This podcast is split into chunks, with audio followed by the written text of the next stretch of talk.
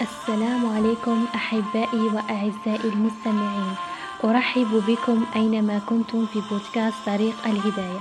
أما بعد الحمد لله نحمده ونستعينه. ونعوذ بالله تعالى من شرور أنفسنا ومن سيئات أعمالنا.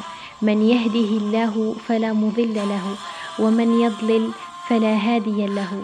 وأشهد أن لا إله إلا الله وحده لا شريك له. وأشهد أن محمدا عبده ورسوله. أما بعد سوف أتحدث بإذن الله عن موضوع الغيبة والنميمة. بحيث أن عذاب القبر ثلثه من الغيبة وثلثه من النميمة. فإذا تخلصت من الغيبة والنميمة فقد تخلصت من ثلثي عذاب القبر.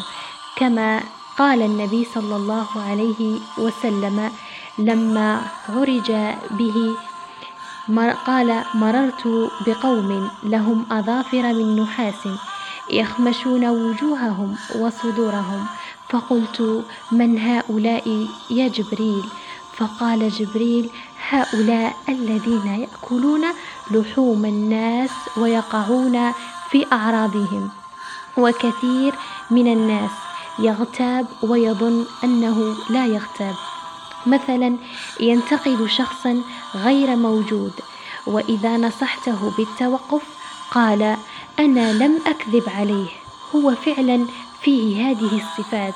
وهنا أن هذا الإنسان لم يعرف الغيبة معناها بمعناها الحقيقي ومنه أن الغيبة ليس أنك تتكلم عن شخص بكلام مكذوب عليه بل بل أن الغيبة أن تتكلم في شخص غير موجود في أشياء في أشياء وأفعال هي فعلا موجودة فيه.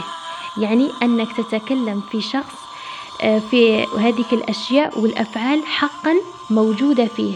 أقوال والأفعال حقا موجودة في تلك الإنسان في تلك الإنسان. بحيث التي آه، الأفعال والأقوال التي نزلتها.